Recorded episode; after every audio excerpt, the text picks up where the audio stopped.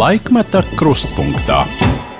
Esiet sveicināti! Sestdienās stundā no vieniem līdz diviem Latvijas radio skan raidījums laikmeta krustpunktā pie mikrofona Arnijas Krause, producents Ilza Agīnta.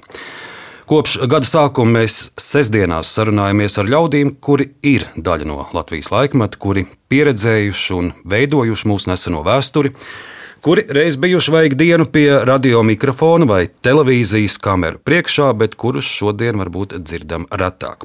Un šodien man būs saruna ar cilvēku, kurš vistiešāk atbilst mūsu raidījuma idejai satikt kādu, kurš reiz bija mūsu acu priekšā, bet par kuru kādu laiku nekas daudz nav dzirdēts. Viņš pats ir bijis žurnālists, komentējis starptautiskos notikumus šeit, Latvijas radio, Doma laukumā, un strādājis televīzijas ēkā Zaķu salā.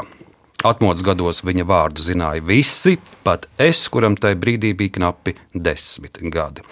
1988. gada laikraksta padomju jaunatne lasītāja aptaujā par populārāko žurnālistu televīzijā ir atzīts Ojārs Rubens, bet viņš ierindojas topa otrajā vietā. Leģendārajā raidījumā Labvakar topā jau ir viņi visi trīs - Ojārs Rubens, Jānis Šepkevits un mans šīs dienas sarunas biedrs Edvins Inkants. Sveiks, Edvīn! Sveiks. Ar šo aptauju Latvijas jaunatnē, toreiz vēl padomu jaunatnē, es arī sākšu. Vai tu tādu vēl atmini? Es te atvēru šo, šo aptaujas sadaļu rezultātus laikraksta grupā. Mm, lasītāja vērtējumā pirmā trīniekā Aida Prēdele, Juris Baumans, Pēteris Bankovskis, Elitē veida manai tikai astoņas lasītāju balsis to laiku. Tad ir uh, radiogrupā, radiogrupā Aivars Berķis, Raits Kalniņš, televīzijas grupā Jāujārs ir pirmajā vietā, un tu viņam sako pa pēdām. Trešajā vietā aiz tevis arī leģendārais televīzijas žurnālists Emīls Meškuns. Lūk tā. Jā. Um, Meškuns bija skolotājs Ojāram. Ko Dvīns Inkāns dara šodien? Es esmu pensionārs. Kā rezultātā mans eh, dzīvesveids ir slings. Man viņš patīk. Tas nozīmē pirmkārt to, ka es ar radošo darbu, ar kuru es vairāk vai mazāk nodarbojos, es to varu darīt lēni. Varbūt arī vārds pamatīgi tam tāpat piestāv. Mm. Tas, ko es darīju pēdējos desmit gados, vairāk, ko es, ko es runāju. Turpat jau 20 gadus, tad, kad man beidzās regulāri raidījumi televīzijā, pēdējais bija jauna nedēļa, un tad pēc tam bija vēl viens starptautisks raidījums. Mēs taisījām filmas par latviešiem kaut kur, tā viņi ir saucās, būt latvieti, un, un tad tur Brazīlija, Vācija, Īrija, uh, Austrālija šķiet, es redzēju. Austrālijā. Mēs, mēs faktiski visas lielās mītnes valsts izbraukājām un skatījāmies, kā tiem cilvēkiem iet. Un, un tur tas, tas musturs vienmēr bija viens un tas pats. Vēsture, kā, kāpēc viņi tur nonāca. Un tas atšķirās, tāpēc, ka uh, Īrijā un Brazīlijā pa vidu ir divi gadsimti, kā cilvēki, nu, labi, pusotras gadsimts, kā cilvēki tur nonāca. Un pēc tam pēdējais darbs, tas bija pirms diviem gadiem, ko es producēju, bija filma par Steinhaueru. Un kurš tiem, kas nav redzējuši, un ir redzējuši jau relatīvi maz cilvēku, tas ir cilvēks, kas bija pirmais latviešu bagātais uzņēmējs, otrkārt, kocinieks, otrkārt, viņš bija droši vien vislielākais mecenāts līdz pat šodienai. Un treškārt, viņš bija ārkārtīgi neparasts cilvēks. Viņš, bija, eh, viņš atbalstīja brāļa draugu, kas ir īpašs fenomens Latvijā, jo tie bija eh, brāļa draugi, bija izglītības un, un, tā, un labestības izplatītāji Latvijā. Ļoti interesants materiāls, pats bija aizrāvies. Tagad Covid man izrāva pusotru gadu, bet es strādāju pie nākošā projekta. Cik liela Edvīnam Inkārnam šobrīd ir interese par to, kas notiek Latvijas medijos par to, ko raida radio, rāda televīzija un kā to dara. Zini, dažkārt man ir skeptiska attieksme. Manuprāt, izglītība nav kļuvusi labāka. Līdz ar to jaunie, kas atnāk, ir mazāk sagatavoti. Bet varbūt tā ir tāda veca cilvēka burkšķēšana. To taču arī nevar izslēgt. Tad, ja mēs paskatāmies uz profesionālo sniegumu, Manuprāt, ir cilvēki, ko vajadzēja atlaist, bet viņus neatlaiž. Bet atkal tā vienmēr ir bijis. Jo kāds, kā, kādam un kādam vienkārši ļoti labas attiecības ir. Ja mēs skatāmies uz laukumu kopumā, man ir priecē tas, ka ir izaugusi jauna paudze ar starptautiskiem komentētājiem. Man, man bija ilgu laiku, tur bija tukšums vienkārši. No pēdējiem padomu gadiem līdz tagad, nu, es teiktu, ka 6, 7 gadus jau viņi ir izauguši, un pa vidu bija pilnīgs nekas. Tagad tas ir aizpildīts, un tas man patīk. Vispārējais ir, zini, jā, prieks ir tas, ka interneta aizpildītāji ir kļuvuši arī kvalitatīvāki un pamazām atsijājās galīgās sēnās no kvalitatīvajiem. Par ko tavuprāt, radio, televīzija, mediji šobrīd nerunā, bet par to vajadzētu runāt? Es, ne, es nedomāju, ka ir kaut kas, kas apzināti tiek noklusēts. Mums ir brīva presa, un te nu, tiešām katrs var izpausties jebkurā, nu, jebkurā nesējā informācijas. Tā ja ir kaut kas, par ko mēs nerunājam, tad tas ir tas, līdz kam mēs neaizdomājamies. Un šis nav tikai mēdīju jautājums, tas pārsvarā ir sabiedrības, bet sabiedrība, sabiedrībai kādam jānes to lāpu priekšu. Un demokrātiskā valstī tiem jābūt politiķiem. Un te nu jāsaka, mēs dažkārt savā iekšējās pretrunās nogremdējam arī to, ko vajadzētu. Es tev iedošu piemēru, kas ta, ko tagad jau visi zina. Tas ir skultes gāzes termināls. Manuprāt, divus vai trīs gadus atpakaļ par to runāja. Un to projektu nogremdēja tāpēc, ka kādam likās, ka kāda no politiskām partijām ir tuvāk piesaistīta šim projektam un noteikti gūs no tā kaut kāds labums ar vecāku nenovīdību, kā politiskā, politiskā raksturība. Tur bija stāsts arī par latviešu izcelsmes amerikāņu miljardieru, laikam viņš pat ragaušs, kurš, kurš Jā. bija gatavs to izdarīt. Jā, tu, varbūt mums varēja nepatikt noteikumi, varbūt mēs varējām mainīt noteikumus, un nevis ilgi, jo tas, kas pašreiz notiek, ir labāk. Tiek atrasts investors, bet, un, protams, ka viņam būs noteikumi, lai ilgtermiņā no viņa nu, gāzi pērk par noteiktu cenu toreiz tā cena, ko piedāvāja, likās augstu, jo viņi bija augstāki nekā Krievijas gāzē. Tagad viņi ir daudz zemāki nekā, nekā var pasaules tirgu nopirkt. Tā kā spēja skatīties uz priekšu, ir sevišķi risku analīze uh, klibo. Tam, tam ir pietiekami daudz arī uh, iemeslu. Un, nā, es uzreiz pateikšu ātri. Tā kā es esmu saimā nosēdējis trīs termiņus. Un es toreiz cīnījos un nedacīnījos. Saimē ir vajadzīgs savs analīzes centrs. Mūsu lēmumu pieņemšanas sistēma ir ārkārtīgi vienkāršota. Proti, valdība izstrādā kādu likumprojektu, viņš atnāk uz sēmu, un tad politiski tiek nolemts, nu, bet taču valdība, tā ir mūsu valdība, mums ir vairākums un tā tālāk, viss pieņem. Tajā pašā laikā cilvēki kaut kā nepadomā, ka tā nav valdība, tas nav ministrs.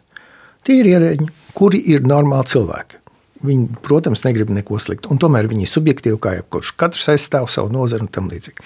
Ja saimā būtu savs analīzes centrs, un tie ir vismaz 20 cilvēki, un jābūt labiem profesionāļiem, kas vienkārši izanalizē to, kas ir atnests un atrod vājās vietas, būtu labāk. Bet par labu Latviju es pateikšu, ka mēs galīgi neesam vienīgie, kas, kas nespēja paskatīties dažus gadus uz priekšu. To pašu izdarīja Vācija. Tad, kad Trumps vēl bija pie, pie stūres, Viņa vienošanās ar Vāciju bija, jūs varat pabeigt uh, Nord Stream 2, bet uzceliet vairākas sašķinātās gāzes uzņemšanas stacijas, un vācieši apsolīja divas uztaisīt. Un nepakustējās visu šo laiku. Un tagad, ja mēs redzam, labi, es nelīdīšu pagaidām Ukraiņā. Kā jau līdz Ukraiņai mēs jā, tūlīt arī nonāksim. Tur runā par raudzīšanos uz priekšu. Mēs mūsu sestdienas raidījumos diezgan daudz arī uh, palūkojamies atpakaļ, un to mēs darīsim arī šodien. Runāsim par, protams, labvakar laiku, par atmodu, par trauksmēnajiem 90. gadiem, bet, ja rīt svētdienā tev būtu labvakars, un, un mēs būtu šajā Ukraiņas situācijā, tev noteikti būtu arī jāsaka kādi ievadvārdi, kāds komentārs par, par aktuālo. Kas būtu tie galvenie punkti? Kurus to akcentētu saistībā ar to, kas šobrīd notiek pasaulē? Nu, pirmkārt, es droši vien būtu tur. Savā laikā, kad uh, Krievijas karaspēks iegāja Baku 90. gadā, tad man tur bija stand-ups, kurš daļai atbilst tam, ko tu prasi. Un es teicu, šeit no Baku iet divas ielas. Viena uz Tbilisi, un otra neatceros, uz kuru, uz kuru pilsētu. Es teicu, un mēs nezinām, no kuras nākamās pilsētas ies iela uz Rīgu. Jo pirms tam bija Tbilisi traģēdija, pēc tam bija Baku, nu, tad, tad pēc tam bija mēs un, un Lietuvieši. Tas galvenais, kas ir svarīgākais pašreiz Ukrainā. Un to ir tiekuši cilvēki simtām reižu, bet tā ir tāda tā mazliet abstrakcija. Ukraiņi karo mūsu vietā. Mēs, mēs to esam pieņēmuši, bet mēs neieterpjam to varbūt to tādās taustāmās formās. Tā būtība pavisam vienkārša. Ukraiņi samaļ Krievijas armiju. Un pat ja Ukraiņi zaudēs karu, Krievijas armijai vairs nebūs spēka. Viņa būs izdvesusies, es nezinu, gadiem septiņiem, desmit. Tā kā mums mierīgais periods ir paredzams ilgs uz priekšu, un to viņi izdara ar savām asinīm. Un, tas vienmēr tā ir. Sākumā viss ir līdzjūtīgi, palīdz. Un lēnām tas noiet, nu, pāriet, tāpēc ka cilvēki pierod, arī pie šausmām cilvēki pierod. Un tas, ko, tas, kas tiks atklāts tuvākā laikā pie Mariupols, un, un tur, kur tagad ir arī masu kapjauni atrastie, cilvēks tas neaizskars tik ļoti kā, piemēram, buča. Tāpēc, ka tas ir otrais, trešais, ceturtais. Kā izdarīt tā, lai, lai nervi paliek atkailināti, un mēs jūtam to, to vajadzību un līdzjūtību palīdzēt katru dienu? Man atbildes nav, bet tas, tas būtu ļoti svarīgi. Mēs šonadēļ redzējām Krievijas līderi Putinu. Kremlī sēžot viņam pretī Šoigu, aizsardzības ministrs. Es biju diezgan nu, neteikšu šokēts, bet eh, jā, es pamanīju arī, un to, to pamanīja daudz, kāds izskatījās Putins. Sakņupis, sagumis, tāds iekrampējies galdā. Nu, tas nebija tas Putins, kuru mēs vēl redzējām pirms gada un diviem. Tu, tu skaties video vai? Video, un arī jā. bildes. Jā. Jo, jo tās bildes bija atlasītas, un tiešām tur, tur viņš izskatījās jau tā kā pusē paralizēts. Par Putinu. Eh, tavuprāt, kādēļ viņš to, šo visu sāka un kāds bija viņa mērķis? Nu, šajā gadījumā viņš sāka tāpēc, ka bija mērķis. Un, manuprāt, es varētu piekrist tiem, kas eh, saka, ka viņš apzinās, ka viņa mūžs nav saules mūžs. Un viņš sev ir uzstādījis uzdevumu ieiet Krievijas slaveno vadītāju nu, plējādēm. Krievija, ja visi tie cilvēki, ko, ko Krievija atcerās, viņiem taču bijuši entie cari. No viņiem visiem, no tiem tā saucamajiem varoņiem, atcerās tikai dažus. Tos, kas ir nosmērējušies ar blakus tautu asinīm. Un viņš dara tieši to pašu. Tāpēc, ka uh, ir kaut kādi cari, kas taisīja reformas, tos neviens neatcerās. Viņš grib iet Krievijas vēsturē, Un, lai iet Krievijas vēsturē, ir jāiekaro, jāiznīcina, jādegradē to teritoriju, jo Krievija nekad nav uzlabojusi nevienu teritoriju. Viņi saka, ka viņa vidusāzija ir uzlabojusi. Nu, labi, lai viņi aizbrauc uz Samarkandu un paskatās, tā, kā tur kultūra pirms tam bija. Bet kāpēc viņam nepietiek ar Krimu? Uh, es domāju, ka apetīti rodas ēdot. Otrkārt, viņam likās, ka šis būs tikpat viegls, nu, vai mazliet sarežģītāks uzdevums. Un, un tad viņš ir Krievijas zemju apvienotājs, jo, jo arī Baltkrievija jau faktiski pašreiz ir vasaļatkarībā no Krievijas līdz trīs slāvu valsts. Tā kā Krim vienkārši bija kumosiņš pa mazu.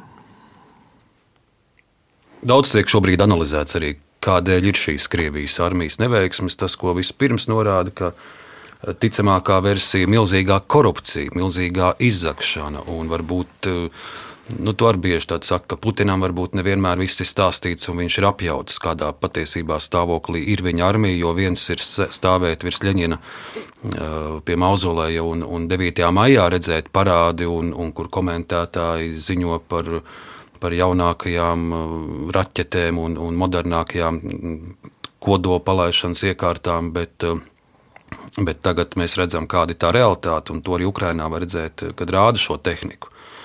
Un, un tā ir 20 un 30 gadus veca pat, un kādā, kādā stāvoklī ir apgādāti karavīri bijuši arī. Putins to visu zināja, vai, vai Es domāju, ka viņš negribēja zināt. Tā ir tā būtība. Uh, viena maza atkāpe arī 50 gadu veca tehnika, arī 100 gadu veca tehnika var nogalināt cilvēku. Tā kā to, to nāves funkciju jau viņi izpilda, tad ir jautājums, vai viņi labāk vai sliktāk to izpilda. Un jo sliktāk, jo labāk priekš Ukraiņiem. Rodās sajūta, bet neviens no mums to nevar zināt. Bet, nu, es ikdienā sekoju un, un salasot pa, pa mazam gabaliņam, rodas sajūta, ka viņš sevi aizsargā no, no informācijas, kas viņam nepatīk. Tāpēc, ka Krievijas ģenerālštābā nesēž ģenerāļi muļķi. Viņi varbūt ir iztapoņas un tā tālāk. Bet viņš viņus neklausās. Viņš klausās divus cilvēkus, kas it kā viņus pārstāv. Kuri ir tas, tā cenzūra? Kuri viņam nepasaka, nē, mums ar, ar simtu, cik tur bija, 140 tūkstošiem nepietiks. Ceļš, ja mēs uzbrukam deviņos virzienos. Tagad es nezinu, vai viņam kāds pateica, ka ar šiem pašreizējiem spēkiem nepietiek, liela, nepietiek lielajam uzbrukumam, bet ir nu, varbūt kāda mazliet tīra labi sanāks. Ja? To pašreiz nevar pateikt. Es domāju, ka viņam ir tāds pašaizsargāšanās instinkts. Viņam visi kaut ko apzinot šo viņa vājību, viņam visi rozā bildīti mālē. Stāsta, ka, pieņemsim, ekonomiskās sankcijas pagaidām nav iedarbojušās. Nu, jā, viņas arī nebija domātas uzreiz sagraut Krievijas valsti. Viņas ir domātas, lai pēc četriem gadiem Krievijas valsts redzami atpalikt no pārējās pasaules. Un tas jau nu notika šā vai tā. Tā kā es domāju, ka rozā brilles viņš pats uzlika, nevis viņam uzlika. Man citreiz tā es pie sevis domāju, interesanti, vai pats Putins skatās šos Krievijas propagandas kanālus, vai viņš skatās Solovjovu raidījumus, vai viņa vai, vai Simonijānu, un, un, un vai viņš pats tic tam, vai viņš, vai viņš pavīpsnā dažkārt par to, ko tur runā. Es domāju, ka pavīpsnā, jo viņš zina, kādu naudu viņš viņiem maksā. Līdz ar to viņš zina, ka viņi dziedās tieši no Solovjau šajā gadījumā dziedās tā, kā viņš grib. Uh, Plus mēs tagad redzam, ka visi šie propagandisti, ir ārkārtīgi personīgi aizskarti, tāpēc ka viņi zaudējuši savus īpašumus visās tās sliktajās valstīs, Itālijās, un kur tik viņiem tur nebija. Tā kā viņi pūš tagad pa īstam, tagad nu gan viņi īsti neliekuļo. Ja paskatās solo jau pēdējā laikā, viņš vienkārši visu laiku ir histērijā. Bet es nedomāju, ka Putins sevi māna pats savu propagandu. Nē. Tāpēc, ka viņam bez visa cita ir ekonomiskā analīze, varbūt piepucēta, un tomēr viņi ir. Par Krievijas sabiedrību vai šis viss notikušais arī savu veidu krievu atmodu var veicināt, vai gluži otrādi tas viss tieši aizbīdīs jebkādus centienus Krievijā, kādu demokrātijas vēsmu iepūst.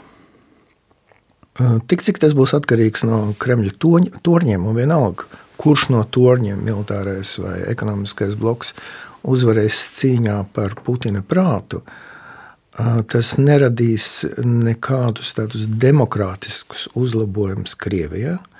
Jo tas ceļš, kad tu sāc viņu iet, faktiski, un, un pie Putina rakstura tas nozīmē, ka viņš negriezīs atpakaļ. Krievijas sabiedrība izrādījās ārkārtīgi uzņēmīga pret patriotismu, jo laikam nekā cita īsti nav ko piedāvāt. Protams, mēs taču paši varam to pārnest uz savu situāciju. Ja mums uzbruk, mums arī pieaugt un uz patriotismu, konsolidēto sabiedrību. Jau tagad tas ir noticis. Jā. Kur nu vēl tad, ja būtu tieši, tieši draugi? Jā, man, man ir pārsteigums, cik daudzi cilvēki. Bet tu minēji, ja mums uzbrukt, bet viņiem jau ir tā situācija, ka viņiem jau neuzbruk. Un viņi taču sev ir iestāstījuši, ka viņiem uzbruk nu, Donbasam uzbruk. Un tā taču ir mūsu mazā māsiņa. Tā, tā, tas, tas atkal ir tas, ko propaganda ir veikusi, ka viņi to uzskata ļoti personīgi. Tajā pašā laikā es arī skaidri zinu no piemēriem, ko stāsta cilvēki, kas ir no Krievijas, par to, ka cilvēki baidās runāt. Viņi vienkārši nerunā. Un tad, no, ja, ja pie mums aptaujās, tur redz cilvēks, kas negrib atbildēt, sevišķi krievu, krievu valodā runājošie, tad tas drīzāk domā, liek domāt, ka viņi atbalsta. Tad Krievija ir otrādi. Ja cilvēki izvairās no atbildes, tad visdrīzākais, ka viņi neatbalsta uh, Krievijas invāziju uh, Ukrajinā. Kas to var mainīt? Daudzas krievu nāves, jā, tāpēc ka mācis ir liels spēks. Uh, ekonomiskā kolapsa visdrīzākais, ka nē, jo viņš nebūs tik ātrs. Labākā gadījumā uz gada beigām kaut kas parādīsies. Uh, tā kā vienīgi sakās, vienīgi Ukraiņas armija var to izdarīt. Vai kaut ko var mainīt, nezinu, krievi inteliģences vai tādu redzamāko sabiedrībā zināmāko cilvēku stingras, stingra nostāja pret kāru, nu, piemēram, Daudz gaida Neskolu Pugačovu. Šobrīd domā par visu, kas notiek. Viņa jau, nu, jau vairākus mēnešus neko nav teikusi, un arī pat vairs nav Krievijā šobrīd. Nezinu, Jālu Pugačovu pateiktu, ka Putina atstājies, ej prom, Krievi mostamies. Kaut kas tāds varētu nekas, būt. Nekas nenotiktu. Viņi norakstīja tāpat, ka viņi norakstījuši visus pārējos, kas aizbrauc. Galkins pateica, un Galkins tagad droši vien. Melnajā sarakstā. Viņš ir ļoti melnajā. Ne, ne koncerta vairs jā, nekas un, viņam un, nav iespējams. Jā, tas, un es domāju, ka Pugačovai ir tas pats kaut vai tāpēc, ka Neba Galkins tāpat tikai pats no sevis to izdomā. Es domāju, ka viņš pateica to, ko viss tā ģimene domā. Jā, es, es neredzu iespēju, es neredzu tādas autoritātes. Tāpēc, ka e, jau kopš 14. gada tika iznīcināts šīs autoritātes. Viņām tika aizbāzta mute, viņi tika salikt cietumos, tie, kas aktīvi un jaunie. Nē, uz to es īsti neticu, un tāpēc varbūt mums vajadzētu e, darīt pareizi, un tie cilvēkiem, kas ir izteikuši savu skaidro protestu e, pret, pret to, ko Krievija pašreiz dara, pret karu, pret okupāciju, dot viņām vīz, viņiem vīzes, un ne tikai vīzes. Tie ir cilvēki, pa lielākā daļa radošie, kuriem nav ar ko nopelnīt šeit naudu. Un arī dot viņiem kārtīgs pabalsts. Vācija, manuprāt, šādu lēmumu beidzot ir pieņēmusi, jo Vācija jūtās vainīga un ne bez iemesla. Nu, Rīga ir uzņēmusi šobrīd vairākas uh, redakcijas, uh, kurām bija jāmūk no Maskavas. Jā, bet es, es šajā gadījumā uh, tas, ka viņi varēja šeit būt un tas, ka ir viņiem šīs humanitārās vīzes, tas ir ļoti pareizi. Bet otrs, viņiem vismaz uz vienu vai diviem gadiem jā, jāiedod cilvēciska dzīve. Es saprotu, ka tad mūsu cilvēkam, ne visiem ir laba dzīve, bet ļoti daudziem ir slikta dzīve, viņiem būs sāpīgi. Atgriežamies atkal pie, pie punkta A. Bet Ukrāņi un šajā gadījumā Krievijas opozīcija cīnās mūsu vietā. Vai par labu mums? Vai Ukrāņi cīnās arī nevien par mums, arī par uh, Francijas, Vācijas, Lielbritānijas, citu rietumvalstu interesēm. Un mēs daudz runājām par Krieviju un Putinu. Es lūgtu tev panelizēt arī uh, rietumu pusi šajā karā. Rietumu puse. Uh, It sevišķi Vācijas lomu un, un, un jā. kara pirmās dienas. Uh, mēs redzam, ka Vācijas sociāldemokrātiskā partija turpina bloķēt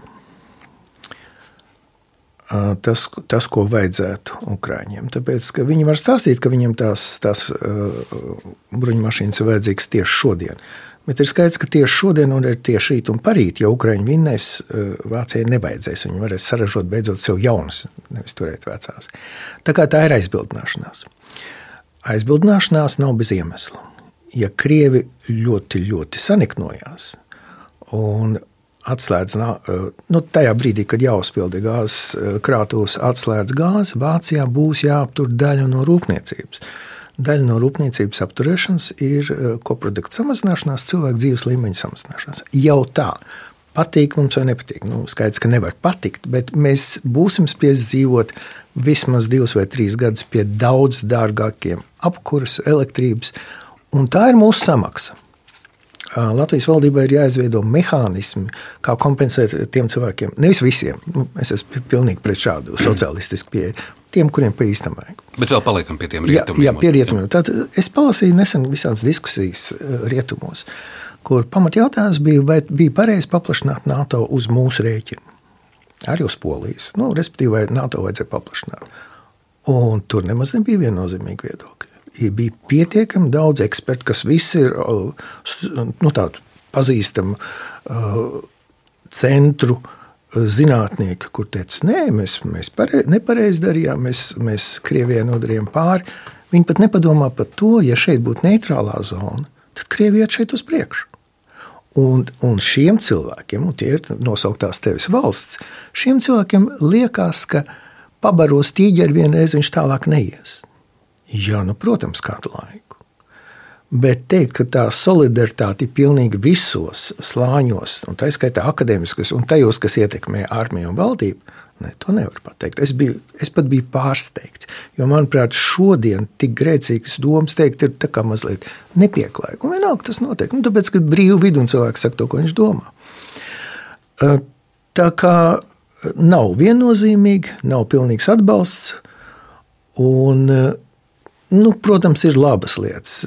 Tie paši vācieši nespējot, nu, baidoties pēc būtības, piegādāt smagos ieročus, viņi to teica, dod vairāk naudas, lai tos ieročus var nopirkt. Ja? Nu, faktiski, cik garš tik plats. E, nepastāv ārēja solidaritāte tā, kā gribētos, bet nu, rezultāts jau tiek sasniegts. Zelenskis, e, tavuprāt, pareizi darīja, ka Vācijas prezidentam Steinmeieram pateica, ka viņš īsti šai brīdī nav gaidīts Kijavā. Ne no diplomātijas viedokļa, ne, protams. No ārpolitikas viedokļa, jā. Jo neviens negribētu nākošais iekļūt tajā sarakstā, ko Zelenskis negrib satikt.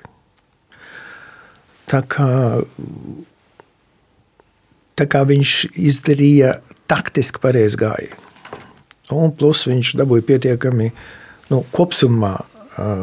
Vācijas prezidents ir pietiekami labi atvainojis un Vācija sāk dot naudu.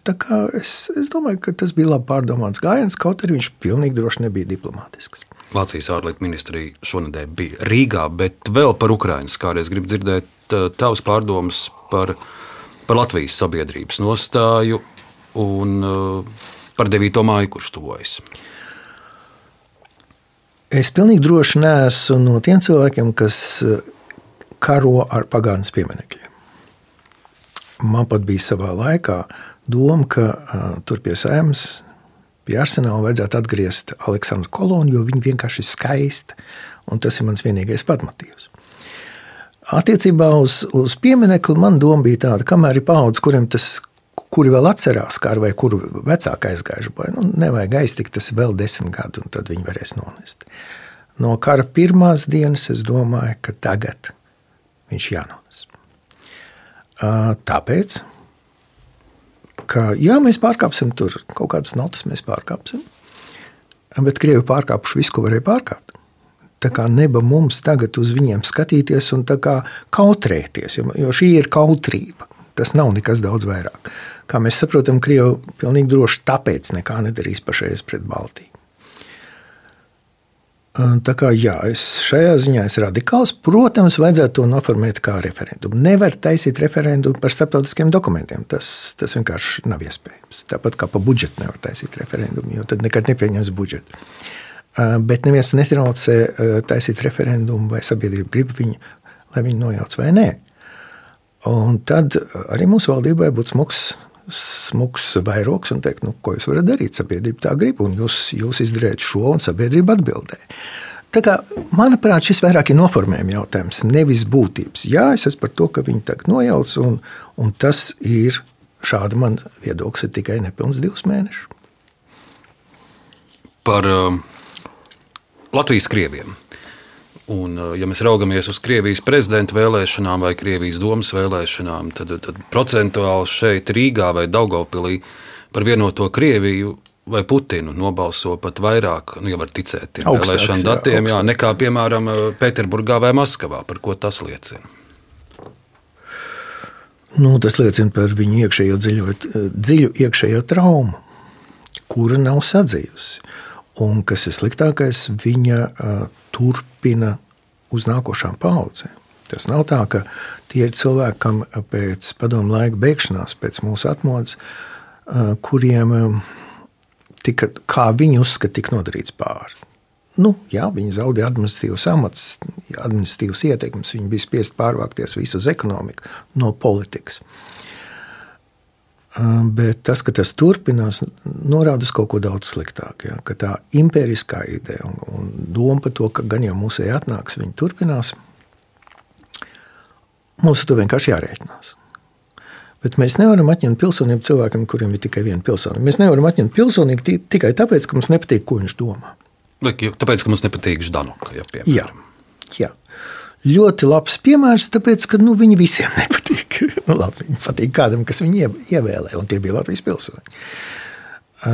Kopumā es piekrītu tiem, ka krievalodīgā sabiedrība ir uz viņu jāskatās kā uz dažādību, un ar katru grupu jāstrādā savādāk. Uh, viens, viena grupa, kas, kas jāmieru klausīties, ko, sakam, uh, ko, ko saka pasaule, un sakam mēs. Nu, pirms, mums pirms nedēļas bija sestdienā saruna ar publicistu Eriku Hanbergu. Viņam bija tāda doma, ka katram latvietim vajadzētu uzrunāt vienu krievu vai savu kaimiņu vai, vai kādu citu, un vienkārši ar viņu runāt, un skaidrot un runāt. Nu, tur pēc tam daži vīpsnāja, nu, tas taču ir bezjēdzīgi. Ar, nu, tas atkal ar ko? Ar vienu ir bezjēdzīgi, ar otru nav bezjēdzīgi. Tas, tas atkarīgs no kurā, kurā grupā tas cilvēks ir.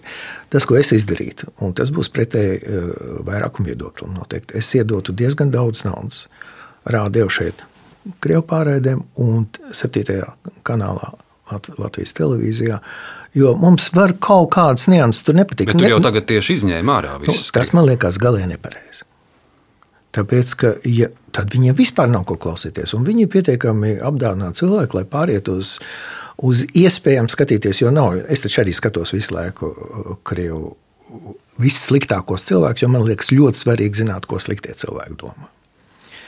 Uh, tā kā ja mēs tagad, kad mums ir tik iespējas, tik izdevīgi aizpildīt tomēr tukšumu, lai cilvēkiem ir ko paskaidrot, un lai tur ir arī domas, kas atšķirās no manām un tavām domām, nu, ne jau kardināli. Vienalga. Ir svarīgi ar viņiem runāt, viņiem stāstīt, pat ne runāt, jā, stāstīt faktus. Ar to jau vien ilgā, ilgākā laikā pietiks. Jo Krievijas histērija Krievijā taču panācās ar to, ka viņi katru dienu stāstīja, cik tur ir šāviņi izlaists pa Donbass, un tur viens bērns aizgājis kopā, laikam, astoņi. Otru pusi jau viņi neatspoguļoja. Jo tas bija apusējs process. Un, ja paskatās uz to, ko, ko starptautiskie novērotāji ir atzīmējuši, un skaidrs, ka tur eh, Krievijas puse apšaudīja daudz biežāk, bet to neviens nezina. Un vēl man interesē arī tava prognoze, tava analīze par saimnes vēlēšanām. Šis ir vēlēšana gads. Daudz bija versija, kā Covid, kā pandēmija ietekmēs eh, politisko ainu. Uh, Nu, pandēmija faktiski 24. februārī līdz ar iebrukumu Ukrajinā pilnīgi nomainīja dienas kārtību. Putins uzvarēja. ar Ukraiņas tematu. Kā, kā notikumi Ukrajinā ietekmēs to, kāda būs nākamā saima? Zini, man liekas, ne ļoti. Uh, jo, ja tu pamanīsi, latviskā politiskā daļa, viņi visi saka, mēs esam pa Ukrajinu. Līdz ar to tur atšķirības nevarēs atrast. Un līdz ar to tas nebūs īsti faktors, kas atšķir vienu partiju no otras. Saskaņa arī saka, mēs esam par Ukrajinu. Un, Jā, un saskaņas līderi Urbanovičs, Ušakovs, viņi pat apsteidz dažu labu Jā. latviešu partijas politiķu jau kara pirmajās dienās nosodot. Jā, nu, tāpēc, kad viņiem to pirmajam vajadzēja izdarīt, un viņi ļoti taktiski pareizi izdarīja. Ko viņi domā, mēs nezinām. Es gan domāju, ka nu, par Urbanoviču es esmu pārliecināts, viņš nosūta. Es viņu ilgus gadus pazinu. Viņš ir uh, cilvēks ar tak, uh, taktikas sajūtu un ar sapratni, kas viņam ir izdevīgi, kas nav izdevīgi. Par viņu nešaubos. Un Nils sēž Eiropas parlamentā. Ja viņš atbalstītu šo, tad viņš viņu, nu, viņu vienkārši noēst. Tāpat tā kā Ždanok noēda Eiropas parlamentā. Tad tā prognoze ir, ka nekas būtiski nemainīsies. Nē, es domāju, ka zaļie zemnieki izskatās, ka viņi būs koalīcijā. Būs koalīcijā. Un, būs un tad ir jautājums, jo tas, kas viņiem traucēja visu laiku, ir koalīcijā, bija jaunā konservatīvā partija. Dēļ savas principiālās nostājas, pareizi, nepareizi tas ir cits jautājums. Un, un jaunā konservatīvā pašreiz mēģina uzraut. Un Var gadīties, ka tieši jaunās konservatīvās partijas, viņu, viens no viņu dalībniekiem redzamiem ir vienīgais, kas aizbraucis karot. Kas varbūt ir, jā, tas varbūt ir tas, tas gadījums, kad eh, Ukraiņas karš vienai partijai palīdzēs. Eh, bet kopumā, ja mēs skatāmies uz SKDS, es regulāri viņu skatos. Izņemot šīs divas šūpoles, es neko neredzu, un tad jautājums par progresīvajiem. Un jautājums, protams, ir, vai cik daudz no tām no attīstībai eh, par, kas viņiem notiks, vai tur kāds konsolidēsies un dabūs vairāk balss, vai viņš čelsies un tad neviens nu, viens iekļūs, otrs neiekļūs. Tie ir jautājumi, bet tie ir, tie ir tehnikas jautājumi. Tie nav sabiedrības prātu mainošie jautājumi. Un tās balsis, kas iepriekšējā saimā tika atdotas par KPVLV, kā tās sadalīsies? Nu, mums ir vēl divas partijas, varbūt tagad tikai viena. Jo viens puisis aizbrauc uz Spāniju un kaut kā pēdējā laikā vairs nekur neparādās. Bet mums parādīsies Šlesers, kurš, protams, nav nepārstāv trako flangu. Bet var gadīties, ka cilvēkiem ar nenoturīgu nervu sistēmu viņam taču kaut kur vajag izēju atrast. Un tagad ir tas spektrs ir tāds ar, ar garīgi veseliem cilvēkiem, vairāk vai mazāk.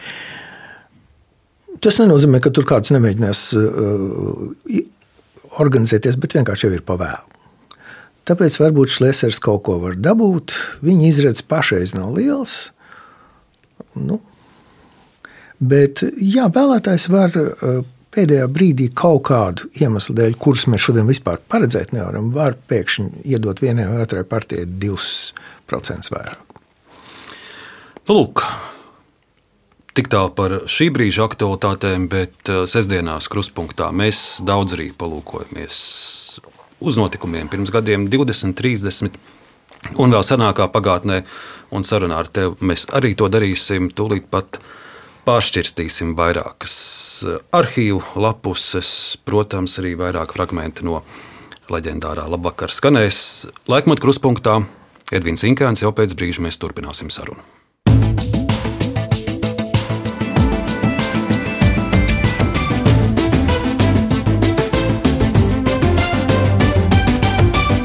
Laikmeta krustpunktā. Edvīna, eh, es sākšu ar eh, arhīvu senākajiem eh, fiksējumiem par tevi. Diemžēl Latvijas radioarkīvā nekas nav saglabājies no tiem gadiem, kad tu šeit komentēji starptautiskos notikumus, kā tos raidījumus sauc. Bija komentētāji pie apaļā galda. Un notikuma orbīta, kas bija ikdienas starptautisko notikumu apskats, kas īstenībā tagad pietrūkst kāds viņš raidījums Latvijas rādio bet eh, ir saglabājušās tavas pirmās publikācijas. Man par pārsteigumu tavas pirmās publikācijas nav par uh, starptautiskiem notikumiem, tās nav par Jasira Arafata vai ko citu, ko varētu sagaidīt. Uh, tavs pirmais raksts ir par sportu. Vai tu pats to zini un atceries? Nē, mans pirmais raksts bija par, pirmkārt, neatceros, tiešām neatceros. Bet pirmais raksts bija pirmā prakses vieta, cēsīs, cēsu druva, un man aizsūtīja rakstīts par gājēju pārējais, kas toreiz vēl nu, nebija. Ja, un tad pirmā gājēja pārējai bija uztaisīta. Nu, lūk, bet uh, tas, ko es atradu, pirmais raksts ir par sportu padomu jaunatne. 76. gads Edvīnam Inkainam tad ir 18. Uh, raksta nosaukums galvenais - daudzpusīga attīstība. Pavisam īsts fragments, eh, lai, lai tev atmiņu restaurētu. Zināju, ka uzdevums nav nekāds vieglais, ne jau tāpēc, ka nebūtu par ko rakstīt. Cilvēki ir tik ierauts savā darbā, ka tos traucēt ir gluži vienkārši nērti. Tā kā šodien pēc stundām slēpošana, rīt sacensības rajonā, bet parīt treniņa diena, jāsamierinās ar iespēju runāt starpbrīdī. Tomēr arī starpbrīdī nekāda saruna neiznāca, jo skolotājai bija jāraksta sacensību grafiks. Nu, šeit ir tāds īsts stāstīns par GDA un par uh, to, ka Rīgas 25. vidusskolas fiziskās kultūras kolektīvs ir viens no labākajiem Rīgā. Un zem šī raksta ir Edvīna Inkēna vārds. Nu, tas taču esi tu. Tas esmu es pirmkārt viens, jo pasaulē eksistē tikai divi tādi. Uh, un, jā, es, es saprotu, kā tas nonāca. Um, lai iestātos žurnālistikas fakultātē, lai palīdzētu cilvēkiem sagatavoties, iestāties, bija tāds uh, projekts Noruna. Jā, es arī tajā esmu. Jā, un, ja tu, divus, ja tu vienu gadu izgāji un dabūji labu atzīmi par radošo, radošo darbu, tad tev bija priekšrocības uh, iestājoties. Šis ir no turienes. Jo tā, lai es par sportu rakstītu, nē. Pirmo starptautisko rakstu es uzrakstīju nu, kaut kādā 80. gadā. Tā bija tāpat padomju jauna, bet es biju ap pseidonīmu. Un pēc tam jā, samazgāja horizonts, un tas man atvēra visas durvis. Un tad arī radio durvis atveras. Tas ir tieši dēļ horizonta. televīzijas durvis, kas toreiz vēl bija Pārdaugavā, Agenskalnā. Jā, tas bija āģītī, un tas jau bija garā ceļa pusceļš. Vēl viena tāda maza epizode no, no arhīviem ir eh, skatījos Rīgas viļņi, 83. gads, un tur ir raidījuma mozaika anotācija. Ir teikts, ka raidījumā būs komentētājs Edvins Inkāns un Džonas Bēzas dziesmas. Iepazīsit arī aktieri Oļegu Jankovski. Džoana Bēza, Oļegs Jankovskis, Edvins Inkāns. Tā, tā tiek pieteikts raidījums. Un to liek jau var vēl tu tikko esi sācis faktiski. Es tikko sāku, jā, bet uh, kaut kā televīzijā man labi gāja. Raidījumu neatceros. Beiza man bija pietiekami mīļa uz to laiku, tas man neizbrīnīja, man izvēle. Bet, Bet tajā laikā viņa esot bijusi arī Amerikā kā protesta dziedātāja. protams, jā, tikai pēc tam, kad tu uzzini vairāk, tad tu saproti, ka viņa, nu, viņa faktiski vienkārši ir laba mākslinieca. Bija taiskaitā. Nu, zini, ja, ja mēs skatāmies uz protestu, tad mēs Pink Floyd vispār varam neklausīties. Bet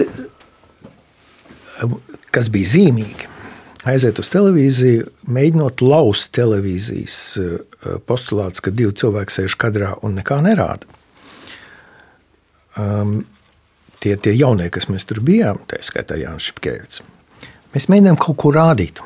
Un tad mēs ar Jānu izgudrojām rādījumu Roks un Politiku. Un tas, tas bija tāds zīmīgs, tāpēc ka mēs varējām parādīt kaut kādus piecus klipus, kas bija pilnīgi neiedomājami. Nevis tos, ko jaungadā no Maskavas atļāva, ja, bet to, to, ko Jānis pats bija dabūjis. Nu, jā. Tad vēl viens ieraksts, 85. gads literatūra un māksla. Citāts. Notiks tematisks sarīkojums Planētas pulss. Piedalīsies un uz klausītāju jautājumiem atbildēs starptautiskie komentētāji - Hermanis, Inkēns, Jērfins, Ķezbers, Lediņš, Neilants, Potrekijs, Skudra, Vulfsons, Valge, Zēbergs, Gavars. Daudz no šiem uzvārdiem ir zināmi, un, un, un, un Divi ir strādājuši radio. Jā, un ir daudz komentējuši starptautiskos notikumus arī tajos laikos, pirms atmodas laikos, kā tu nokļuvi šajā komentētāja pulkā, kur droši vien nemaz tā no malas tik viegli nevarēja iekļūt. Uh, viss ir otrādi nekā tu domā. Tātad Latvijas rādio šeit uh, bija ziņu nodaļā, bija trīs maiņas redaktori, kas salika tas lēns vienkārši pielīmē. Un tās bija meitenes, kuras bija pilnīgi neinteresētas. Viņas bija jau, jauks meitenes, labas kolēģis, bet viņām pilnīgi neinteresēja, ko viņas tur ieliek. Un es, kā, kā es teicu, es eh, sāku viens prakses laikā publicēties horizontā, un tur viss tieši tā kā vajag par Arafatu, par Saudārābiju, viss, kas man patika. Un tad, kad es atnācu uz praksi šeit, uz rādio, un tā bija pēdējā praksa, eh, mani pasauca kapdēļas vadītājs, kas bija Ilmārs Rimšēts tēvs. Viņš teica, vai jūs esat tas pats, kas ir raksta horizontā? Es saku, jā. Viņš saka, nu labi, es jūsu starptautisko nodaļu iet tur. Un pēc tam man pasaules darbā, jo viena meitene gāja um, bērnu atvaļinājumā. Un pēc tam jau man no turienes būt ārā vairs nevarēja. Jo mēs ieviesam pilnīgi citu kārtību. Līdz tam, ka man bija savs skats ar katrai valstī ar mapītēm, kuras liku raksts. Man bija speciālais rādio, kur es varēju klausīties Amerikas balsi. Nu, viss, kas, viss, kas tajā laikā bija. Un, un, un Latvijas radio ziņas lielā mērā bija atkārtojums BBC ziņā. Ja par Amerikas balsi mēs runājam, Amerikas balss 87. gada 5. novembrī ziņo, ka ar dažādiem kultūras darbiniekiem Amerikā ciemojušies ir pārstāvi no Latvijas. Raidījumā tiek intervēta Māja Krīgana, kura ir uzstājusies koncertā Ņujorkā. Tālāk ir arī teikts, ka uh, Ziemeļamerikas turnīrā kopā ar vairāku citu padomju republiku māksliniekiem bija arī Latvijas televīzijas ziņu komentators Edvīns Inkāns. 87. gadā nokļūt Amerikā. Kā tas notika? Jā, it sevišķi vēl jāņem vērā viena notikuma. Un notikums bija 87. gada 23. augusts. 23. augustā. Un uz to laiku mēs ar Mavriku jau bijām globusā izrunājuši visu par slepeniem protokoliem. Nu, visu, ne visu, bet gandrīz visu. Pēc būtības mēs bijām pateikuši visu. Un, uh, rādījums bija nedēļas nogalē. Vilnis Meliņš viņu vadīja, un uh, viņš bija dzīvē. Uz šo raidījumu sabrauca visa tā laika padomju nu, varas aug, augstākais ešalons. Varbūt nebija pats Voss, bet bija otrais sekretārs, bija Zukulis, bija nu, čeks priekšnieks. Un viņi visi skatījās melno materiālu, mēs samontējām balto, un mēs pateicām, ka tur bija tūkstošiem cilvēku. Otrā dienā man noņēma. No ētera izrakstīja rājienu, nu, kaut. Ar vārdu sakot, nevarētu teikt, ka bija ļoti liels represijas, tā vienkārši iemesls pēc, ka glasnests jau bija parādījusies. Bet kā, kā viņi palaida tevi uz Ameriku? Pēc tam man teica, ka šis mans pārkāpums nebija, nebija nu, paspējis uz Maskavu aiziet, varbūt. Bet būtībā pavisam vienkārši viņi audzināja jauno padomu paudzi. Un es skaitījos, nu, tāds. Nu, es taču biju pareizs. Tāpēc, ka, nu, padomā tā, Es runāju par starptautiskām lietām, nu, piemēram, par to pašu arābu pasauli. Tie cilvēki, kas to saprot, faktiski bija tikai viens cilvēks, tas bija Mavriks. Dažkārt to ar skudru, mums viņa dažādas diskusijas bija. Pārējie cilvēki necekā, nečekā, viņi nesaprata to, ko es saku, tāpēc, viņi neiedziļinājās tik tālu. Līdz ar to es biju pareizāks par pareizi ār, no ārējās pazīmes. Un vispār es arī biju pareizs. Līdz brīdim, kamēr sākās atmodu. Un Pie atmodas mēs arī paliekam, un tas būs arī pirmais uh, mūsu audio ieraksts no Latvijas radiofonotēkas. Uh, svarīga, at, svarīgs atmodas stūrakmens radošo savienību plēnums 1988. gada 1. jūnijas. Kongresnamā pie mikrofona arī Edvīns Inkāns. Es domāju, ka šīs divas dienas ir ļoti svarīgas mūsu tautas dzīvē. Mēs taču tik ilgi nebijām atklāti runājuši par savām problēmām. Un es ceru, ka pēc šīs atklātās sarunas daļai pazudīs arī tas slimīgais aizdomīgums pret mūsu nacionālajiem centieniem, kur ir godīgi un tīri. Es domāju, ka plānos būs izsits arī pamatu visu, es uzsveru visu veidu ekstrēmistu domām.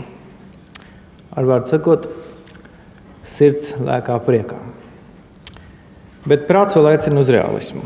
Mums jāsaprot, ka bez atjaunotnes valstī nebūs arī atjaunotnes nacionālajos jautājumu sapratnē. Tāpēc es ne tik daudz runāšu par nacionālajām problēmām, cik par pārkārtošanos. Šķiet, mēs dažkārt aizmirstam pašu galveno. Demokrātija, lai ar cik tā būtu pilnīga un liberāla, šai demokrātijai ir viens dzels likums. Noteicošais ir vairākuma viedoklis, un mazākumam pienākas tiesību garantija. Un tāpēc varbūt ne tikai priecāsimies paši par savām drosmīgām un gaišajām domām, bet arī pabāzīsim degunu ārpus savu katliņu. Sabiedrība nav viendabīga, ļoti diferencēta, un pretēji viedoklim, kas bieži tiek izteikts, es domāju, ka viņi ir sašķelti. Pie pārkārtošanās karoga kāda pieķērušies vienus vārdus dzied visdažādākajos meldiņos.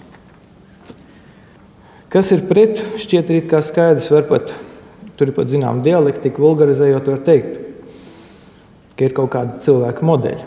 Staļinisma produkts, Brežņeva laiks uzskatīja par demokrātijas sasniegumu, jo nešāva par runāšanu. Stagnācijas vai aizturs laika produkts šodien uzskata par iespējamo kaungalu, jo par izrunāšanos vai pat, vairs pat īsti nesoda. Bet mēs taču ejam tikai pirmos soļus, bet ne visi. Jo cīņa par jauno nav tikai kautiņš uz barikādēm, bet gan cīņa par mūsu līdzdzīvotāju prātiem. Un, ja mēs tos neaizrausim, tad graša vērti mēs esam.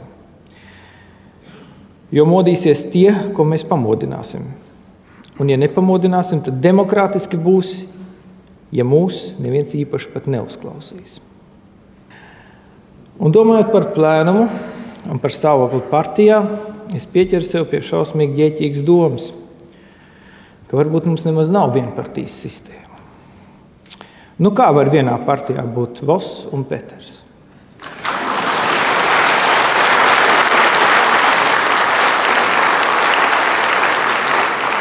Un pat ja formāli tā ir viena partija, tad ziniet, šie flangi ir tik nesavienojami, ka no ārzemju pieredzes pateikšu, ka atšķirības starp republikāņu un demokrātu kandidātiem uz prezidenta vēlēšanām ir mazākas.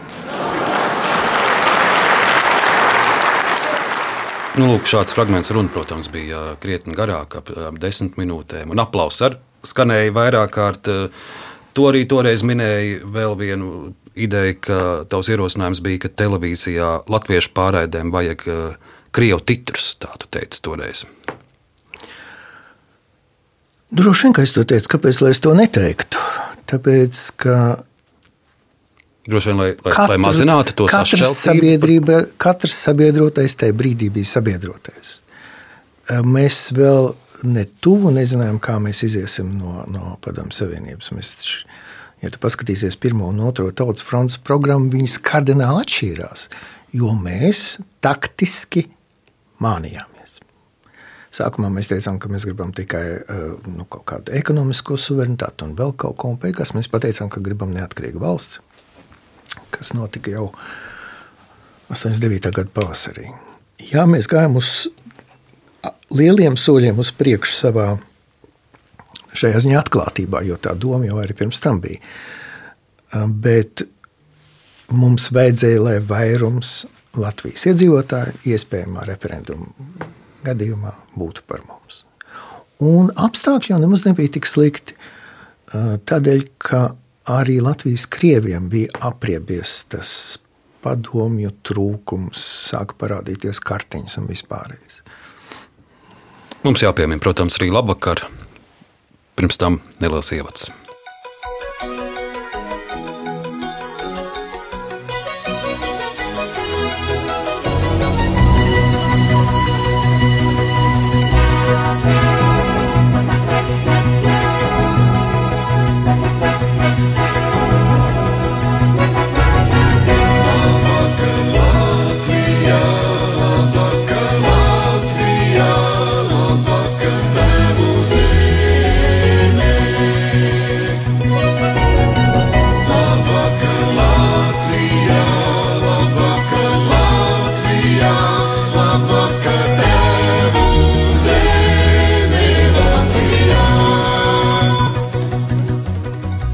Labvakar Latvija, Zikfrīda Muktupāvela un Maijas Lūsēns balsī pirms eh, pāris gadiem, kad jau mūžībā aizgājušais Mārtiņš Čibilds veidoja Labvakara jubilejas raidījumu ievadā.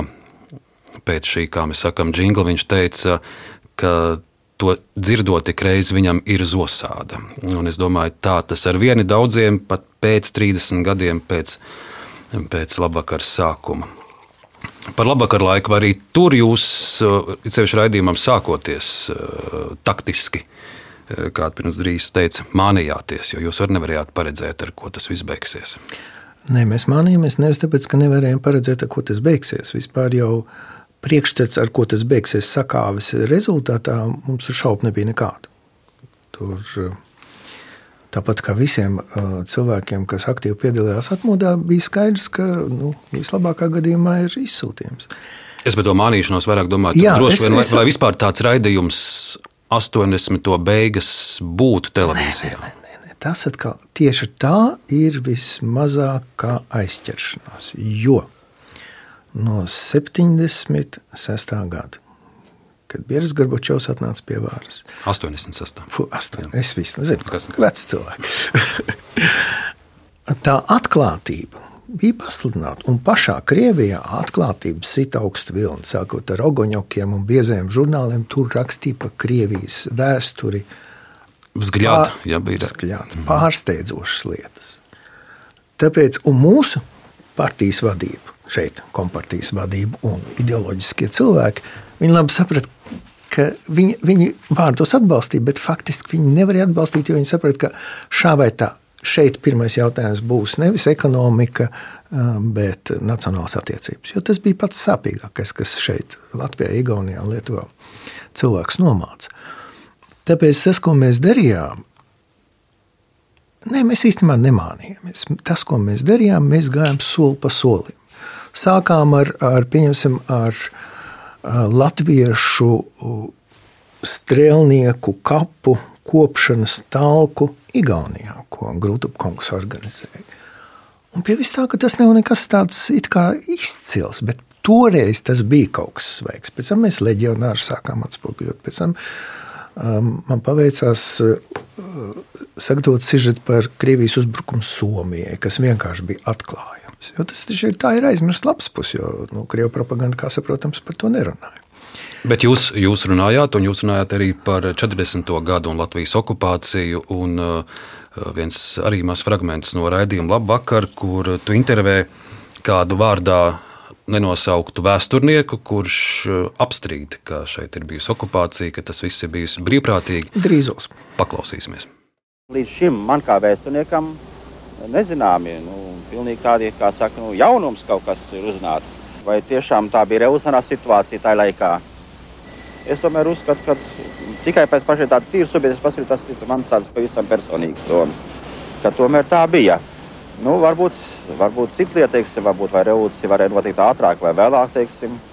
Es domāju, ka tā sociāliskā revolūcija Latvijai pēc tiem apstākļiem mm, viņai vajadzēja būt, viņa būtu notikusi. Mūsu jaunatne tiek saindēta ar ārkārtīgi kaitīgu ideoloģiju, un es domāju, ka liela loma tam bija arī, ja runājam par rakstnieku valdes plēnumu, Maurika Vulsona runāja, kuru es uzskatu par pilnīgi aplamu tā daļā, kurā viņš neatzīst, ka 40. gadā Latvijā bija, nebija revolucionāras situācijas, ka nebija nekādas revolūcijas un ka lūk, Latvija tika okupēta. Man liekas, ka šī Maurika Vulsona uzstāšanās sagatavoja ekstrēmistu darbību, kuru mēs vērojām 14. jūnijā. Nu, šeit mēs arī dzirdējām bēdīgi slaveno prokuroru Jānu Zenītu, šos abus Jā. vīrus. Es neatceros to pirmo, bet eh, redz, tā bija, faktiski tā bija mūsu. Nu, mēs jau runājam par mānīšanos. Šī nav mānīšanās, šī bija mūsu metode, lai, par, lai padarītu viņus smieklīgus. Jo sabiedrība domāja savādāk. Un mēs parādījām, cik nu, argumenti jau nav. Ir tikai nu, mans viedoklis. Tā, tā, nu, tas, tas bija brīdis, kad bruka tā visa tā smilšu pilsēta. Un mēs šādā veidā palīdzējām. Un ir vēl viens, vēl viens efekts, kas, kam kalpoja labvakars. Pa puru iet vienmēr viens pa priekšu un ar koku taust, kur ir un kur nav iespēja nogrimt. Mēs pildījām šo funkciju. Mēs, kā, ja mēs izgājām cauri, tad pārējie cilvēki saprot, ah, to jau var. Un, manuprāt, tā ir ļoti saprātīga taktika. Un vēl viena īsa epizode no labvakar gadiem. Tas ir kāda no raidījuma nobeigumiem, kuri bijusi reportāža par basketbolistu Gunteru Vētru. Paklausīsimies īsu fragment, jo tur jūs spriežat, ko jūs paši darīsiet pēc gadiem 30. Pilnīgi nejauši pajautāju Gunteram, jaunam mm, staltam latviešu lāčplēsim, padomāt par to, kāds viņš varētu būt tad, kad viņam būs 60 un vēl vairāk gadu. Un starp citu, vai jūs paši esat padomājuši par to, ko jūs darīsiet un ko mēs darīsim, tad, kad mums būs 64 un vēl vairāk.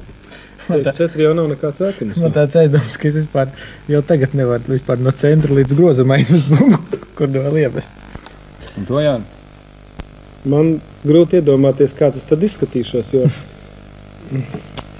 Nemaz nav tik grūti, jā. Bet, ja tā nopietni runājot, tad es vienkārši gribētu būt vēl arī tad kādam vajadzīgs. Atminies šo? Jā, atminos, jā, un tas bija, nu, Mēs jau, mums nebija viss saskaņots, tās visas tās studijas teksts. Pamats, tiesim, politiskās lietas mēs bijām izrunājuši, kur, kurš ko teiks, bet šādas lietas ne. Un Janka mūs pārsteidz, un es arī neko neatbildēju. Tā kā eh, durvis vaļā, kāds sastāvs esmu. Tas būs ļoti īsi, bet es lūkšu pāris minūtēs. Mēs vēl iziesim cauri dažām epizodēm trauksmainajiem 90. gadiem, kuros arī esi iesaistīts eh, pēc labvakar posma darbošanās politikā. Un, eh, ja mēs atveram šobrīd Wikipēdiju un, un, un raugamies apraksts par tevi, tad uh, pirmais teikums ir dzimšanas fakts, otrais ir, kur tu esi mācījies, un trešais teikums Wikipēdijā ir 81. gadā Edvīns Inkēns savarvēts VDK ar pseidonīmu Uģis. Šis stāsts īsumā. Īsumā stāsts eh, ir tāds, ka es biju pirmais cilvēks, es biju saimā tajā laikā, kurš izgāja, aizgāja uz tiesu un, un eh, palūdza pārbaudīt. Nu, tas nozīmē, ka es biju pietiekami pārliecināts, ka man būs pozitīvs rezultāts, kāds viņš arī bija. Pēc tam, lai neviens nevarētu teikt, ka es esmu kaut ko noslēpis, es visus tiesas materiālus iedevu tam pašam tevis pieminētajam Mārtiņam, un viņš to, ko uzskatīja par vajadzīgu, nopublicēja. Kā rezultātā es esmu izrunājis to, un tagad pēc 30 gadiem, ne, 25 gadiem, es atsakos par to runāt uh, no jauna. Tāpēc, ka vienreiz jau man tas nāca pāri, tas, kā tu saproti, nebija ne viegli, ne patīkami. Nu, tāpēc es no tā tagad abstrahējos. Jo es jau savu pienākumu pret sabiedrību, man liekas, esmu izpildījis. Vēl viens stāsts no 90. ja paraugās tā laika arhīvos, plaša publicitāte ir tavai konfrontācijai ar Andriu Čēli, tā sauktais pedofīlijas skandāls. Cik daudz tur bija pedofīlija, cik tur bija skandāls. Un ar tādu laika distanci, vai tu runātu un rīkotos un darītu tieši tāpat, kā toreiz viss notika? Redz, mūsu konfrontācija ar Andriu Čēlu bija garāka. Sākās ar, ar to, ka mēs ar Somu palīdzību atklājām, ka viņš iespējams ir paņēmis kukuli Tā tā ir podu lieta. Jā, tā ir podu lieta. Tur vēl bija kaut kas pa vidu. Ar pedofīliju viņi nebija vērsti pret Andru Šķēlu nekādā veidā. Tur bija tomēr, un tas bija Stašāna kunga pētījums, kurš, kuram es uzticējos pilnībā. Tāpēc es nekad neesmu redzējis, ka tas cilvēks melotu. Esmu pilnīgi pārliecināts, ka viņš ne brīdi nemeloja. Vai es to būtu darījis vēlreiz? Jā, es būtu izņēmis vienu vārdu no, no Stašāna sižeta. Kuru? Viņš teica, ka iespējams, ka tur ir iekšā arī politiķi. Es būtu izņēmis, lai saimē pat tiek galā.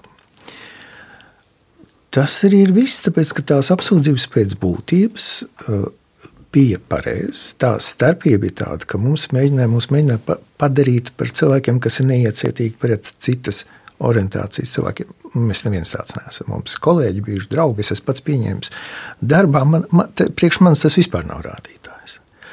Uh, bet tas bija tas sānceļš, pa kuru mūs mēģināja aizvirzīt, bet, bet ne patiesi. Mazs fragments no 98. gada februāra LNT notiek diskusija un tajā piedalies tu un Andris Čēlis. Mēs dzirdēsim uh, tavu komentāru pēc diskusijas, un arī uh, politoloģija Ilza Astrovska to laiku komentē dzirdēto. Es no savas puses varu teikt, ka man bija diezgan interesanti. Es varētu piekrist, ka mēs nevienmēr lietojam to leksiku, kas ir pierasta Latvijas politikā. Bet es vēlreiz gribu teikt, ka Šķēlis bija tas, kas pirmais ienesa Latvijas politiku apvainojumus. Un viņš nevarēja gaidīt, ka tikai viņš ļauj, ka citi ļaus sevi tikai apvainot un nekad nepateiks viņam nepatīkamas lietas. Tika pieteikta politiskā diskusija. Taču pēc pāris minūtēm bija skaidrs, ka tā ir divu žurnālistu saruna ar vienu politiķu. Un abi šie žurnālisti, protams, spēlē vienos vārtos, LNT vārtos. Es nebūtu ieteikuši Čēlis kungam vispār iet uz šo diskusiju, jo spriežot jau pēc tā pieteikuma, uh, tur bija sagaidām, es ļoti atvainojos, bet kloāka. Man, manā atmiņā ehm, šī diskusija bija ļoti interesanta, jo Andris Čēlis ir ļoti stiprs pretinieks.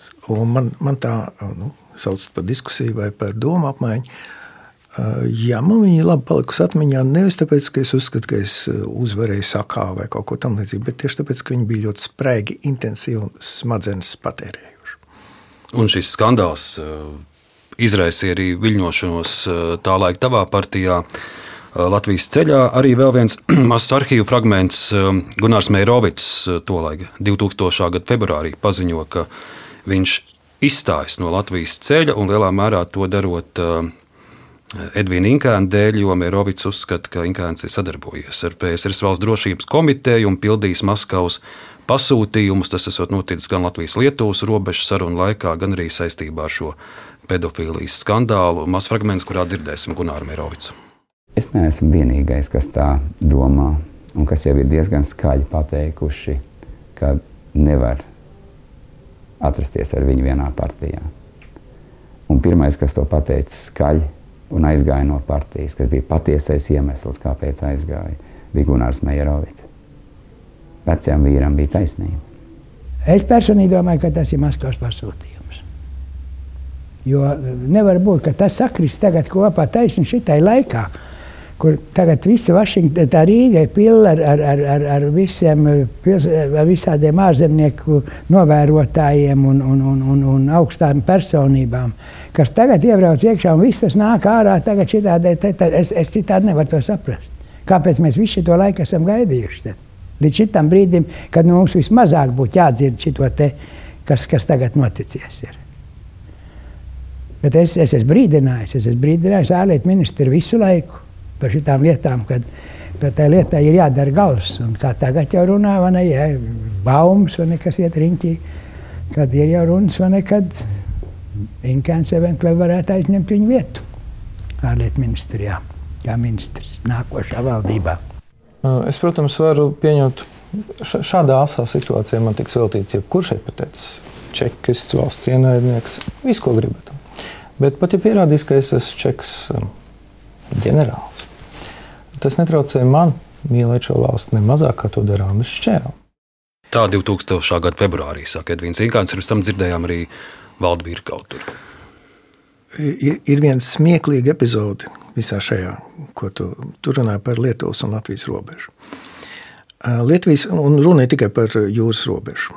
Ir starptautiskais standarts, kā nosaka šo robežu. Un Mārcis Rieksniņš, Mārcis Gēls, satikās ar, ar Lietuvas premjeru, un viņi parakstīja līgumu. Un tā robeža jau faktiski bija gatava. Un tad Gunārs Mierovics, būdams tajā laikā Baltijas, vieno, Baltijas valsts ministrs Baltijas jautājumos, viņš aizveda slepenās kartes no padomu laika, ģeoloģiskās kartes, kur bija redzams, kur ir naftas plankumi. Un Lietuvietis atbrauca pēc tam pie Māra, paņēma atpakaļ līgumu un teica, nekas nav bijis. Jo saskaņā ar to, ko Mārcis bija parakstījis, tur naftas laukumi bija mūsu pusē. Un tā kā par to robežu jau nu, vismazāk kam bija ko iebilst. Bet tāpat nu, diezgan, diezgan nu, smagi vārdi, kurus saka leģendārā pirmskara ārlietu ministra dēls. Tas, ka viņš ir dēls, nenozīmē, ka viņš pats ir leģendārs. Tā, tā lietas būtība ir pavisam vienkārša. Ar šādu nevar nomainīt valdību. Un, protams, ka valdība mainījās citiem spēc. Un, protams, ka šis nevarēja būt iemesls īstenībā nekādam iekšpolitiskam skandālam vai kaut kam tam. Ne iekšpolitiskam skandālam tas bija iemesls, nešaubīgi, bet starptautiskam ne. Mums galīgi vairs nav laika pieminēt arī, arī tos gadus, kas ir bijuši pēc politikas, bet viena īsa epizode vēl 2008. gada 10. septembris. Prese raksta, ka nedēļa pirms ASV bankas Lehman Brothers bankrota kas izraisīja vispasaules finanšu krīzi, Edvīns Inkāns ir pārdevis savas akcijas Pareks bankā lielākiem īpašniekiem Karginam un Krasovickim. Nu, pēc visas spriežot, tā ir bijusi laikmī, laimīga sakritība, ka tikai dažas dienas pirms lielās krīzes eh, Edvīnam Inkānam izdevās pašam neiekļūt krīzē. Pirmkārt, iekļuvu, otrkārt, eh, ja jau abi banķieri būtu zinājuši, ka viņa banka izputēs, viņi taču nebūtu pirkuši manas akcijas. Jo viņu vērtība pēc, man liekas, tur bija vairāk kā mēnesis, nu, nesvarīgi, viņa vērtība kļuva tuvu nulē. Tā kā, nu, vajag domāt. Un ar vēl vienu, un tas būs muzikāls fragments. Es vēlos mūsu sarunu šodien pabeigt, bet eh, es gribu, lai tu arī to dzird, un, un pavisam īsts komentārs. Vēlreiz atgriezīsimies labvakar laikos. Šie meži ļaujiet man vēl padomāt, rīt man jāiet tiesas priekšā, patiesību jāstāstā. Rīt man jāiet tiesas priekšā, patiesību jāstāstā. Tiesas kungs man bargi vaicās, cik jūs bijāt laupītāji. Tiesas kungs man bargi vaicās, cik jūs bijāt laupītāji. Mēs pavisam bijām četri, kas viens otru nenodos. Mēs pavisam bijām četri, kas viens otru nenodos. Pirmais bija drošais pilots, otrais Mārtiņš Andersons, trešais viltus aģents Kaža, ceturtais es Inkens pats. Trešais viltus aģents kaža, ceturtais es Inkens pats. Nu, dziesma laikam saistībā ar Baltijas ceļu un toreiz Ar to helikopteru, jā, protams. Un, uh, kādu komentāru par ko tu, ne, ne jau par muzikālo izpildījumu. Par ideju, kā, kā, kā šis tapa, ka- kas tas bija tāds par saržu. Tāpēc, ka pēc lidojuma visi meklē to, kurš ir nodevis kažu. Kažu es nevarēju nodot, jo tajā brīdī man būtu jāatzīstās, ka es sameloju pilotam, pasakot, ka neviena ārzemnieka starp mums nav. Atbildi pavisam vienkārši. Reklāmas rullītī pašreklāmā, kas gāja pirms panorāmas. Operators nezināja, ka nedrīkst eh, kažu rādīt. Un vienkārši tajā reklāmas rullītī parādīja kažu, un līdz to visu to zināja. Lūk, arī šāda vēstures detaļa un epizode. Edvīna, liels paldies eh, gan par uh, raidījuma pirmajā daļā patiesi interesantu analīzi par to, kas uh, šobrīd notiek uh, pasaulē, kas notiek Ukrajinā, un paldies arī par uh, tām detaļām un vēstures faktiem, kurus tu atgādināji no svarīgajiem atmodas gadiem. Paldies par sarunu! Lūdzu!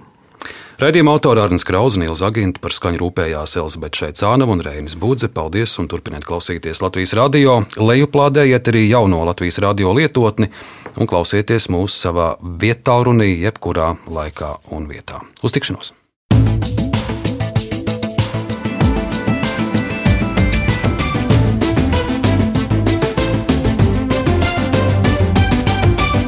Laikmeta krustpunktā. Latvijas radio jauna lietotne, ziņas, mūzika, 200 dažādu raidījumu un visu Latvijas radio kanālu tiešraides. Radi pats savu radio. Veido savu raidījumu atskaņošanas sarakstu. Mēs tikai ieteiksim to, ko vērts nepalaist garām. Latvijas radio lietotni meklē App Store vai Google Play. Lejupielādē to savā telefonā un klausies Latvijas radio saturu savērtā laikā un vietā. Radio lietotne pieejama bez maksas un reklāmām. Latvijas radio veicina kritisko domāšanu un saturīgu brīvā laika pavadīšanu.